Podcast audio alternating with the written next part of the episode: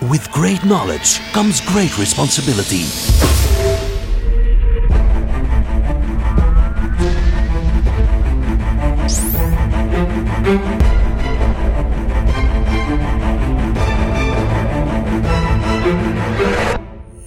Fifty-two topics by Maarten Bové en Kevin Couvreur. Hey, hallo allemaal. Welkom voor een nieuwe aflevering van 52 Topics.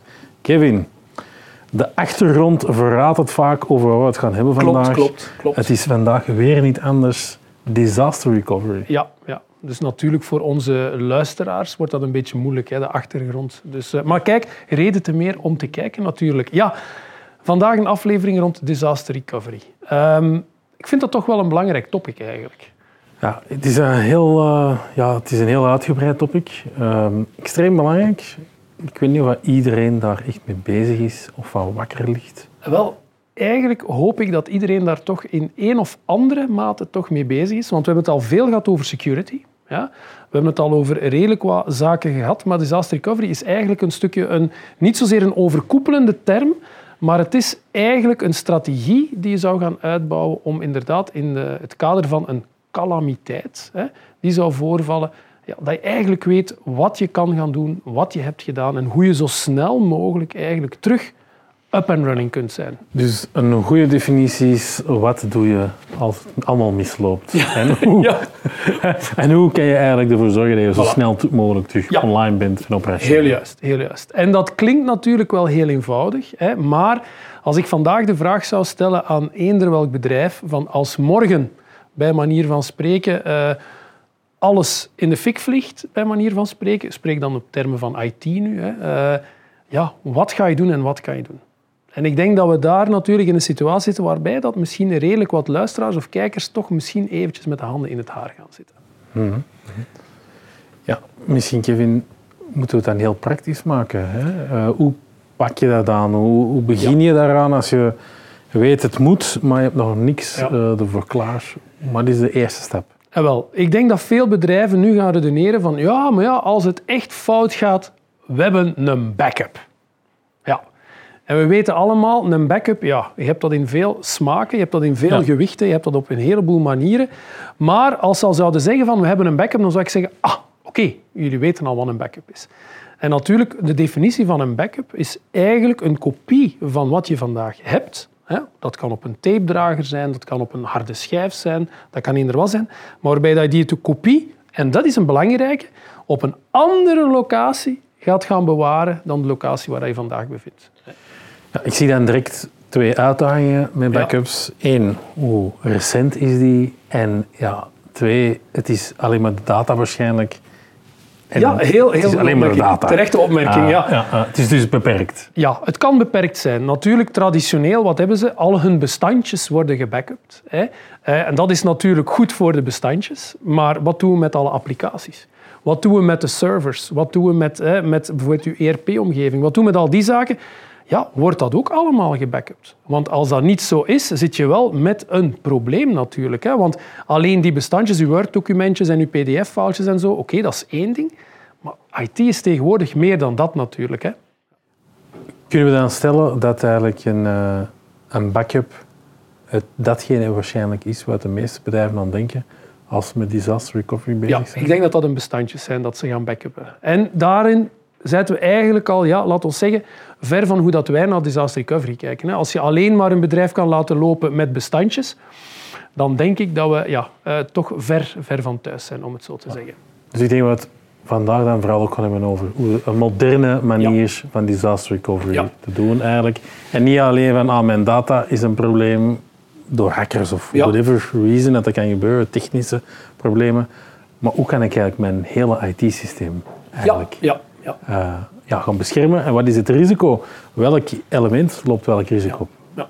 In die zin, als we vandaag gaan kijken naar een modern bedrijf, Maarten, hè, het is inderdaad zoals ik daarnet zei, het gaat niet meer alleen over bestandjes. Het gaat over applicaties, het gaat over servers die bepaalde functies vervullen, het gaat over een stuk infrastructuur, het gaat over een heleboel zaken. Dus de vraag is, ja, dat willen wij allemaal in ons disaster recovery scenario gaan steken. Waarom? Want ja, als er iets fout gaat, moeten we natuurlijk alles weer up and running krijgen zoals het was voorheen. Dus die uitdagingen daar zijn dat een backup alleen niet meer gaat gebeuren met betrekking tot uw bestandjes, maar eigenlijk gaan we ook uw servers gaan backuppen. We gaan die infrastructuurkopieën gaan maken.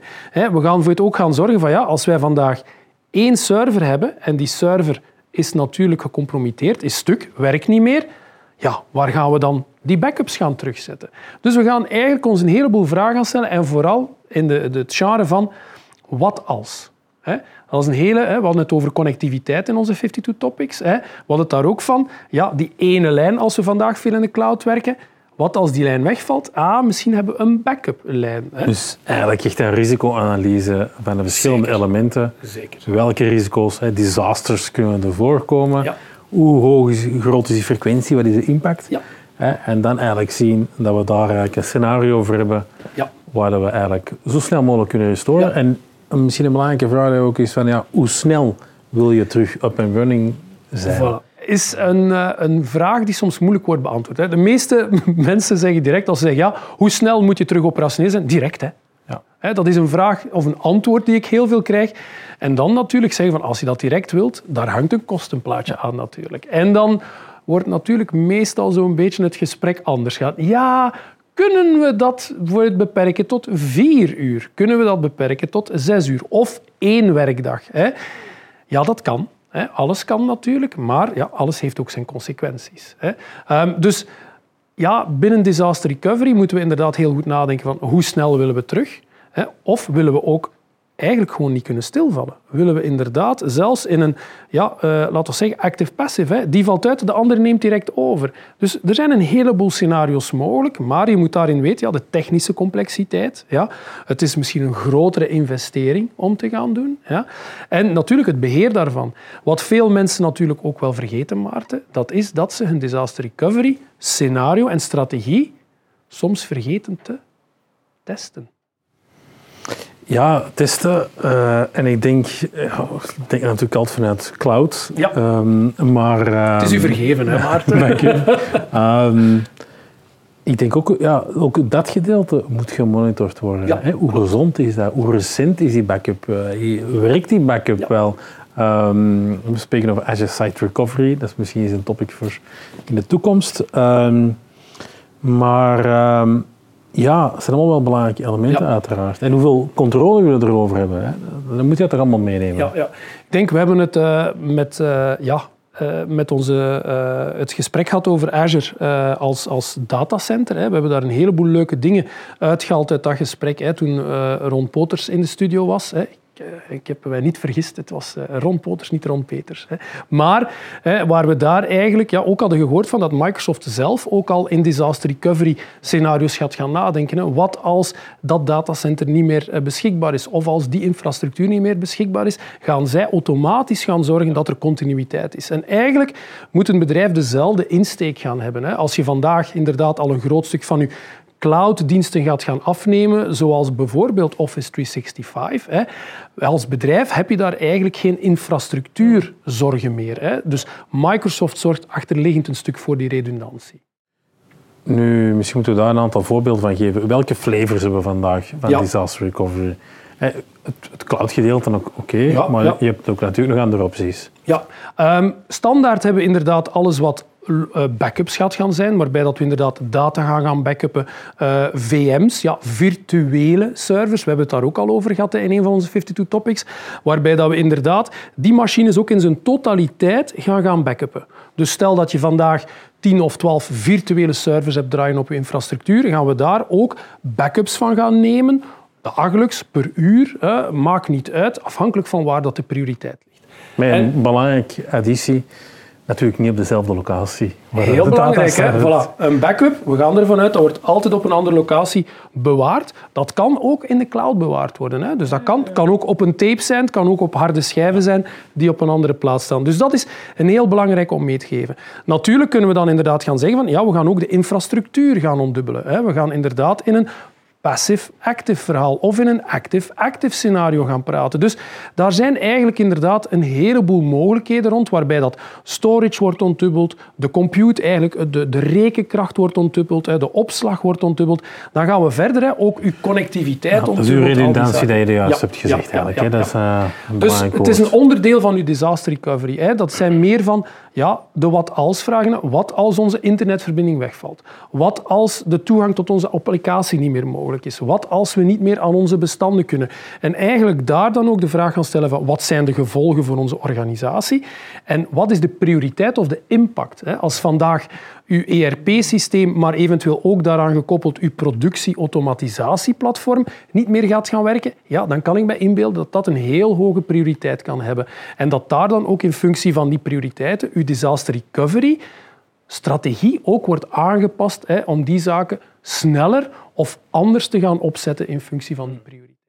Ja, ik wil daar ook nog graag eentje aan toevoegen. Ja? Uw communicatieplan. Ja. Eigenlijk, eh, inderdaad, al die plannen zijn superbelangrijk. Hè. Uh, wat gaan we doen, waar gaan we het zetten, wat zijn de risico's, heel technisch. Maar dan is er natuurlijk het communicatieaspect. Wat als mijn bedrijf inderdaad stil wordt gelegd door ransomware, hackers, een brand. Ja, wil je dan op die moment eigenlijk bezig zijn met ja, hoe ga ik mijn communicatie opstellen naar de pers, naar mijn klanten, naar interne uh, medewerkers, naar iedereen? Dat is ook eigenlijk een aantal scenario's die je eigenlijk op voorhand al kan laten uitwerken uh, en ja. om de shelf kan leggen uh, voor stellen missie. En misschien snel wordt vergeten. Ja, ik denk dat dit, uh, communicatie wordt heel vaak vergeten. Ja. en wel heel belangrijk, want op die moment, ik zeg het nog eens, ja, wilt je daar niet mee bezig zijn? En communicatie is. Moet een automatisme zijn, hè, denk ik. Ja. En ik denk natuurlijk, ja, je zegt nu wel zelf eigenlijk het initiatief nemen voor een communicatieplan. Maar ik denk zelfs ook in het kader van bepaalde wetgevende uh, contexten dat we ook moeten correct kunnen communiceren. Hè. Wat als wij als bedrijf vandaag inderdaad persoonsgegevens, persoonlijke data gaan bijhouden. Je hebt een e-commerce eh, verhaal bijvoorbeeld, eh, waarbij dat ja, klantengegevens bijhoudt en dergelijke meer. Als er iets gebeurt, moet je wel heel goed weten hoe je communiceert. Aan welke autoriteiten moet je melding gaan doen van wat er gebeurd is. En dat plan moet je dan ook hebben natuurlijk. Dus ja, een hele goede eigenlijk, Maarten. Ik, het is goed dat je eraan gedacht dat communicatie ook belangrijk is. Ja, we zijn om, om elkaar te helpen. Hè. we zijn complementair, we zijn complementair. Nee, ik denk vooral als bedrijf, denk zeker na, daag jezelf uit om die wat-als vragen te gaan stellen. Hè? Van wat als dat niet meer zou werken of niet meer beschikbaar is. Denk ook aan meerdere scenario's. Hè? Ja, er, er, zijn verschillende risico's. Ja. Uh, ja. En durf ze te stellen. Ik denk dat veel bedrijven soms misschien ook niet durven. En vooral ook eens de vraag stellen, wat zou het mij kosten als wij inderdaad dit of dit of dit niet meer kunnen? Om daar dan ook weer een stukje uw, uw investering of uw prioriteit te kunnen aan koppelen. Hè? Ja. En eens je die scenario's klaar hebt, ja, je moet die echt wel op regelmatige basis jaarlijks evalueren, evalueren testen. monitoren. Ja, ja, ja, wat is de gezondheid daarvan? Werken de backups? Dat moet je beter frequenter doen dan één keer per jaar. Ik denk, dat wel. Ik denk dat wel. Maar daar zijn natuurlijk tools voor. Um, maar ik denk zo met veel zaken, ook binnen IT, los van het feit dat heel veel dingen gewoon werken, mogen we niet uitgaan van de assumptie dat het in orde is. Hè. Ik denk dat dat met alles is. We testen, we onderhouden, we proberen het. We gaan gaan kijken van... Ja, hetzelfde als met een eh, brandoefening hè, of dergelijke, gaan we inderdaad ook een keer dat scenario gaan uitproberen. Wat als dat platvalt? Kunnen we inderdaad dat scenario uitrollen? En hoe snel en hoe uh, vlot werkt dat natuurlijk. Hè. Voilà. Yes. Um, disaster recovery, Maarten, belangrijk? Check.